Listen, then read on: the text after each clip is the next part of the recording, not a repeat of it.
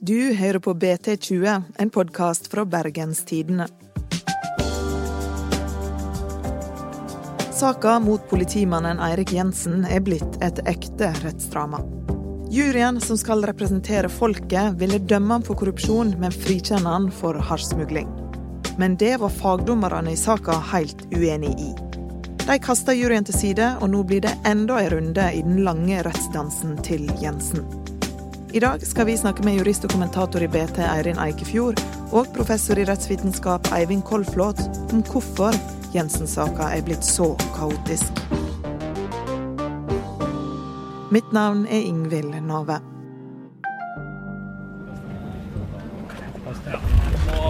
Erik Jensen, hva tenker du nå? Vi går ut. Det utfallet vi fikk, er jo det mest spektakulære som kunne ha skjedd. Og denne saken er jo den mest oppsiktsvekkende straffesaken i nyere tid i utgangspunktet. Man har Oslo-politiet sin største wonderboy, Superpurk, beskyldt for å hjelpe en av landets største narkobaroner å smugle flere tonn hasj. Så har man norgeshistoriens siste jurysak, der Jensen blir frikjent av juryen på det mest alvorlige, altså narkoinnførsel. Så ender det med at fagdommerne overprøver juryen og sender saken til enda en ny behandling. Og det er egentlig en ellevill og historisk avslutning på både Jensen-saken og juryordningen. Prinsippet er jo altså at vi skal dømmes av likemenn. Men bare hvis elitejuristene liker resultatet. Og det er jo et veldig problematisk eh, signal å sende. Jeg er jo skuffa, selvfølgelig. Og dette er vel en, eh, blitt en prestisjesak. Og det er vel ikke jeg som har gjort den til det. Men uh, man skal jo tydeligvis ikke dømmes av sine like menn lenger. Jeg syns det egentlig på en måte er å, for å si det på enkelt norsk, spytte på juryen. Det lagmannsretten nå har gjort. Dette sa Eirik Jensen like etter rettssaka. Forsvareren hans Jon Christian Elden var òg skuffa over at dommerne nekta å ta omsyn til juryens avgjørelse. Det er ingen bevis eller avgjørende eller fellende bevis i dette materialet. De har konkludert, kommet tilbake. Eh, da er det etter vår rettsordning normalt ikke opp til tre fagdommere å være uenig i det på skjønnsmessig grunnlag, og så si at eh, nei, sorry, vi bare eh, fjerner det som dere har kommet til, og ser helt bort fra det. Den tilsidesettelsen innebærer jo at det tar enda lengre tid før man får et svar. Det gjelder jo Eirik Jensen selv, ikke minst. Og så er det jo ressursbruken. Det er jo enormt ressurskrevende å nå måtte ta en tredje runde med all denne bevisførselen. Eirik Jensen var en av Norges mest anerkjente politifolk. Han jobba med noen av de tyngste kriminelle miljøene i landet, med gode resultat. Politiets Wonderboy ble han kalt. Han hadde jo en heltestatus nærmest i Oslo-politiet på et tidspunkt. Han var høyt betrodd, han var en sånn superspaner, hadde et vanvittig kontaktnett. Til slutt satt han i staben til politimesteren, og han hadde vanvittig stor frihet. Og så hadde han jo Han kalte seg sjøl for en kameleon. Han var liksom inne med både justisministeren og kriminelle gjenger. Han opererte på toppnivå i politiet. Eh, så i hvert fall sånn som han fremstiller seg sjøl, så var han jo en av de viktigste nøkkelspillerne i hele Oslo-politiet. Her er han i et NTB-klipp fra 2007, der han viser fram lassevis med våpen politiet har tatt fra kriminelle gjenger. Leder for gjengprosjektet, Eirik Jensen, viser fram noen av våpnene som er blitt beslaglagt. Vi kjenner alle AG3-en, som bl.a. ble brukt under Nokas-ranet. Den har også en, eh, et kjempepotensial til å gjøre ferdige ting. Og Det samme gjelder også selvfølgelig MP5-en, som er et veldig snertent og treffesikkert våpen. Men Jensen er fornøyd med beslaget så langt. Si sånn, Hvert beslag av våpen det krever jo en skjellig grunn til mistanke for helt å iverksette noe. Dvs. Si at det ligger alltid noe i bånn her. Så disse våpnene de illustrerer eh, mange politiaksjoner, for å si det slik. Men noen år seinere raste alt. Gangster- og narkobaron Gjermund Cappelen ble tatt inn til avhør. Der sa han at politimann Eirik Jensen i flere år hadde hjulpet han med å smugle tonnevis med hasj inn i Norge, og fått bestikkelser for det. Fordi det var ingen vei utenom, og eh, jeg skjønte jo fort at eh, politiet hadde vært etter meg i veldig lang tid. og eh, da skjønte jeg etter hvert at her var det bare å legge kortene på bordet. Hva var grunnen til at du valgte å navngi en offentlig tjenestemann i politiet? Det var en eh, situasjon som oppsto mellom meg og politiet, og da skjønte jeg at eh, en offentlig tjenestemann var involvert i denne saken. Og jeg valgte å samarbeide i forhold til det. Har du noe som helst hevnmotiv for å gjøre dette? Naturligvis ikke. Hvordan vil du karakterisere forholdet du har hatt eh, til Eirik Jensen? Nært.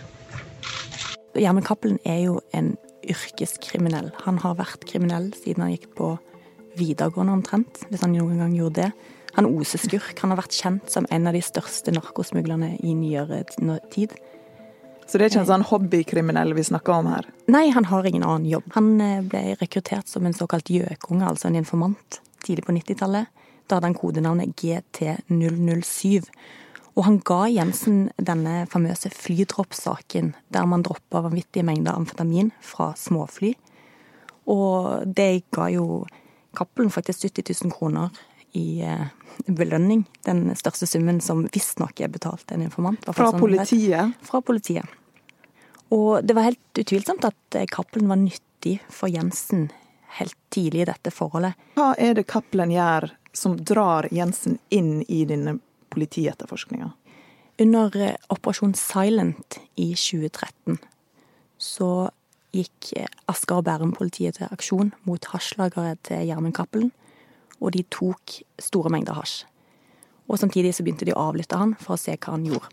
Og formålet var å sjekke om han hadde kontakter innad i politiet, for det var det jo godt rykter om lenge. At det var en møkkete tjenestemann som eh, beskytta Gjermund. Og det viste seg jo raskt at eh, Gjermund tok kontakt med Jensen. Og etter at han var arrestert, så begynte han òg å snakke Jensen inn i saken. Det blir en bombe, sa han, og det ble det. Og det var Jensen? det var Jensen. Eh, hvor mange ganger har denne saka vært i retten nå? Nå har denne saken vært to runder i retten. Først i Oslo tingrett, der eh, Jensen ble dømt på alle punkt til lovens strengeste straff. Så ble saken anka til Borgarting lagmannsrett, og nå fikk vi jo dette absurde utfallet som gjør at saken enda en gang skal behandles på nytt. Spørsmål én nei.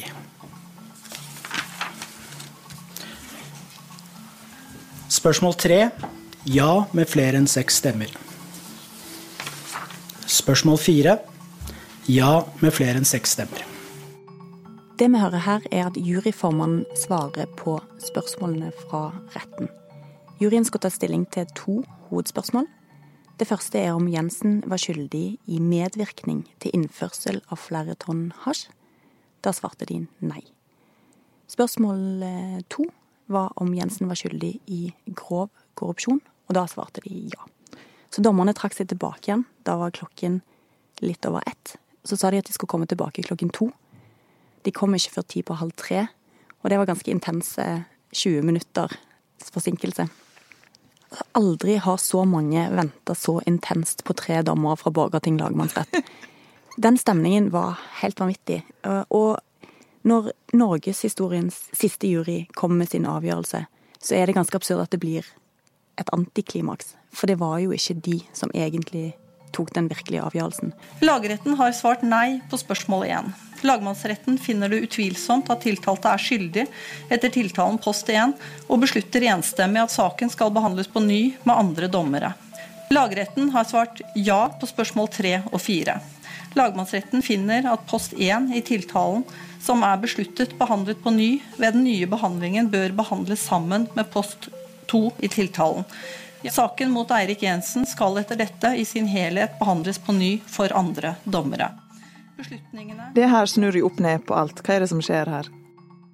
Det er en veldig snever unntaksregel som sier at fagdommere kan sette til side juryens avgjørelse hvis de er helt enige om at tiltalte utvilsomt er skyldig. Og det er det de gjør her? Det er akkurat det de gjør her. Så de tar det juryen har sagt, sier nei? Det går ikke vi med på. Ja, Det er en veldig omdiskutert regel. For det betyr jo at fagjurister overprøver folket, som egentlig skal dømme i siste instans. Og jeg syns jo at i det politiske klimaet vi har nå, der eh, folk mot elite er et veldig populært narrativ, så er det veldig problematisk at Erik Jensen blir en slags martyr for elitestaten. Den eh, tilsidesettelsesregelen har vi jo hatt lenge. Opprinnelig var det jo bare ja-kjennelser, altså skyldig, som kunne tilsidesettes. På 30-tallet kom også muligheten for å sette til side nei-kjennelser, altså uskyldig.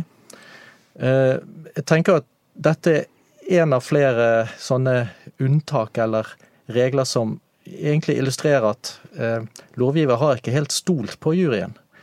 Eh, man kan jo litt sånn spissformulert si at juryen får lov til å bestemme så lenge fagdommerne er enige. Ja. Men det finnes også andre regler som viser at man ikke stoler helt på juryen. F.eks. det at hvis en tiltalt var under 18 år på gjerningstidspunktet, så skulle den saken gå for meddomsrett, selv om den forbrytelsen det var snakk om, tilsa at den skulle gå for eh, jury. Og det samme med spionasjesaker.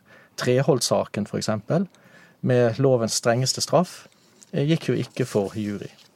Erik Jensen sjøl mener jo at fagdommerne spytter på juryen når de kaster deres kjennelse til side. Har han et poeng der? Jeg kan godt forstå at det oppleves sånn, men eh, i så fall er det jo lovgiver som har lagt opp til at dommerne skal kunne spytte på juryen.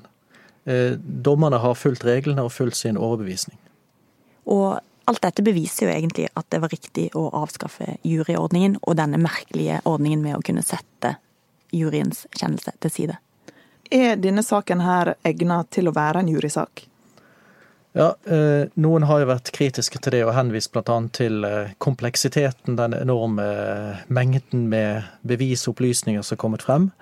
Ehm, noen har trukket paralleller til eh, langvarige saker om økonomisk kriminalitet, men der er det en eh, eh, forskjell som går på at i de sakene om økonomisk kriminalitet, der er det gjerne sånne tekniske, regnskapstekniske, skattemessige spørsmål. Mens når det gjelder tolkning av tekstmeldinger, så tenker jeg at det er lekfolk like gode til å gjøre som fagdommere. Det er ikke noe forskjell på det. Ja, Du får ikke en bachelorgrad i å tolke tekstmeldinger, men du får jo en bachelorgrad i økonomi, f.eks. Eksempel, ja. Det er jo påvist at lekfolk, når de er jurymedlemmer, frifinner mye oftere enn det fagdommere gjør. Og det har jo vist seg å stemme i Erik Jensen-saken. Og den teorien handler egentlig om to ting. Den ene er at tiltalte er sjarmerende, har folkelig appell, troverdig. I Jensens tilfelle så er han jo den kule purken. Han har hestehale, han har Harley, han har skinnjakke. Han er en veldig forfriskende kontrast til de litt mer snerpete aktorene fra Spesialenheten for politisaker. Og det er jo noe man sitter og tar inn som jury. En annen side av saken er at bevisbildet er veldig komplisert, i den forstand at det er veldig omfattende. Det har vært ført 122 vitner. Det er vanvittig mange tekstmeldinger. Det er 20 hasjinnførsler. Det er masse tidslinjer. Veldig komplisert. Og hvis du da ikke helt vet hvordan du skal navigere i dette landskapet, så tror jeg at saken fremstår veldig overveldende, og at man da kan bli forvirra og bli i tvil, og dermed frifinne. Hva er det sterkeste beviset de har mot eh, Jensen? På korrupsjonsdelen så handler det om en klokke og et nytt bad og en del kontanter som er funnet, som nokså utvilsomt stammer fra Gjermund Cappelen. Det har jo Eirik Jensen til en viss grad òg erkjent. Så det er veldig vanskelig å komme unna at det, han, er, han er skyldig i korrupsjon. For han har innrømt han har fått den klokka, og disse ja. pengene fant de jo i en vegg hjemme hos han. Og selv om han eh, hevder at han ga den klokken tilbake, så er det likevel en fullbyrda korrupsjonshandling. Han har mottatt en gave fra en kriminell, og fordi han er politimann, så er det grov korrupsjon. Og på den smuglerdelen av eh, siktelsen, hva slags bevis har de der? Da har de 20 innførsler av hasj som juryen skulle ta stilling til, sammenkobla med veldig mange tekstmeldinger mellom Erik Jensen og Gjermund Cappelen. Det er der de bruker dette blomsterspråket, sant? Riktig. I dag er det fint veier og fint De utveksler erfaring om flammesikre plater og hagearbeid og jobbing på tomta. Jeg har faktisk en eh, Jeg har tatt bilde av en SMS-utveksling mellom Cappelen og Jensen. Og dette her er mest enveiskommunikasjon fra Jensen. Det er i juli 2011. Sol og seilvær i ca. to uker. Og så dagen etterpå. Jepp, nå er det feriemodus over hele linja. Og så er det på onsdagen. Her er det sol og fine meldinger. Har hørt det er slik hjemme òg. Men Cappelen har ikke svart på noe av dette, her, så dette er egentlig bare en værmelding fra Jensen til Cappelen. Cappelen reagerte jo da med å innføre diverse kilo hasj over grensen. Sånn at det, eh, det dommerne mener, og det eh, påtalemyndigheten mener, er jo at i etterkant av disse meldingene så har eh, kort tid etterpå gjennomført sine hasjtransporter. Så sol og fint vær betyr du kan kjøre over grensa? Riktig. Hva slags straff er det Eirik Jensen ligger an til å få hvis han blir dømt på begge punkter? Hvis Jensen blir dømt for innførsel av narkotika, så risikerer han 21 års fengsel, altså lovens strengeste straff. Hvis han kun blir dømt for grov korrupsjon, så risikerer han ti års fengsel, så da er strafferammen ti år. Og det er jo Jensen-saken sitt store paradoks. For det er jo korrupsjonen som egentlig er det store tillitsbruddet. Det er her en politimann har latt seg bestikke av kriminelle, og på bekostning av troverdigheten til både politiet og det offentlige. Mens det er narkotikainnførselen som gjør at straffen blir den strengeste som finnes. Men hva er det som skjer nå? Ja, Nå kommer det ikke til å skje noe særlig på ganske lenge. Men eh, til høsten kanskje, eller våren 2020, så blir det en, eh, en eh, ny rettssak med den samme bevisførselen. Saken kommer sikkert til å ta like lang tid. Med, med altså en meddomsrett. Fagdommere og lekdommere som sitter sammen og diskuterer skyldspørsmål. Hvorfor tar det så lang tid? De har jo allerede etterforska denne saken her i årevis. Ja, Nå skal det jo berammes en rettssal, altså. Det er et enormt apparat. Det, aktørene har uh, forpliktelser allerede. ikke sant? Forsvarerne, f.eks. For eksempel. det er ikke sånn at de har uh, Elden har ikke en tom avtalebok i dagene fremover, for å si det sånn. Og, og, i denne runden, når saken kunne gå for en jury, hvis den da ble beramma innenfor en viss tid, så var forsvarerne veldig villige til å kaste seg rundt for å få en jurysak. Nettopp fordi at det har vist seg å være en fordel for tiltalte. Det er jo ikke sikkert at de var like fleksible i denne runden. Nå er jo faktisk Erik Jensen tjent med at denne saken blir trenert så lenge som mulig. Men må de gå gjennom alle bevis, alle vitner må inn igjen på nytt? Alt det der, må det skje på nytt igjen nå? Det må skje på nytt, for det vil jo nye, nye dommere. De uh, har jo ikke sett disse bevisene før, så ja. Så denne saken kan potensielt pågå i mange år til? Den? Mange år kanskje sterkt sagt når det gjelder uh, akkurat denne behandlingen, denne ankebehandlingen i lagmannsretten. Men om det da er satt punktum for saken, det gjenstår å se. Her kan det komme anke til Høyesterett på saksbehandlingsfeil eller lovanvendelse. Uh, det kan komme klage til EM, altså Europeiske menneskerettsdomstol for at eh, rettergangen ikke har vært rettferdig. Uh, det må i så fall begrunnes med et eller annet. Uh, det kan komme forsøk på gjenåpning, så ja. Men det vil komme en rettskraftig dom, i alle fall, i løpet av et år eller to. Men det er jo ingen garanti for at Erik Jensen blir funnet skyldig på alle punkt i den for saken. Det var jo mitt neste spørsmål. Tror dere han har sjanse å bli frikjent? Det er vel veldig Man kan vel gå så langt i å si at det er veldig mye som tyder på at Erik Jensen er skyldig. Nå har vi jo fått eh, tre fagdommere i Borgarting lagmannsrett, to fagdommere i Oslo tingrett. Ingen av de er noe som helst i tvil om at han er skyldig på alle punkt. Så det sier jo i hvert fall litt om hvor bevisbildet står så langt. I alle fall eh, kan eh, fagdommerne ikke eh, blokkere for en frifinnelse hvis tre meddommere går inn for det. Det var ukas episode av BT20. Vi er tilbake med en ny episode om ei uke. Produsent for podkasten er Henrik Svanevik. Og mitt navn er Ingvild Nave.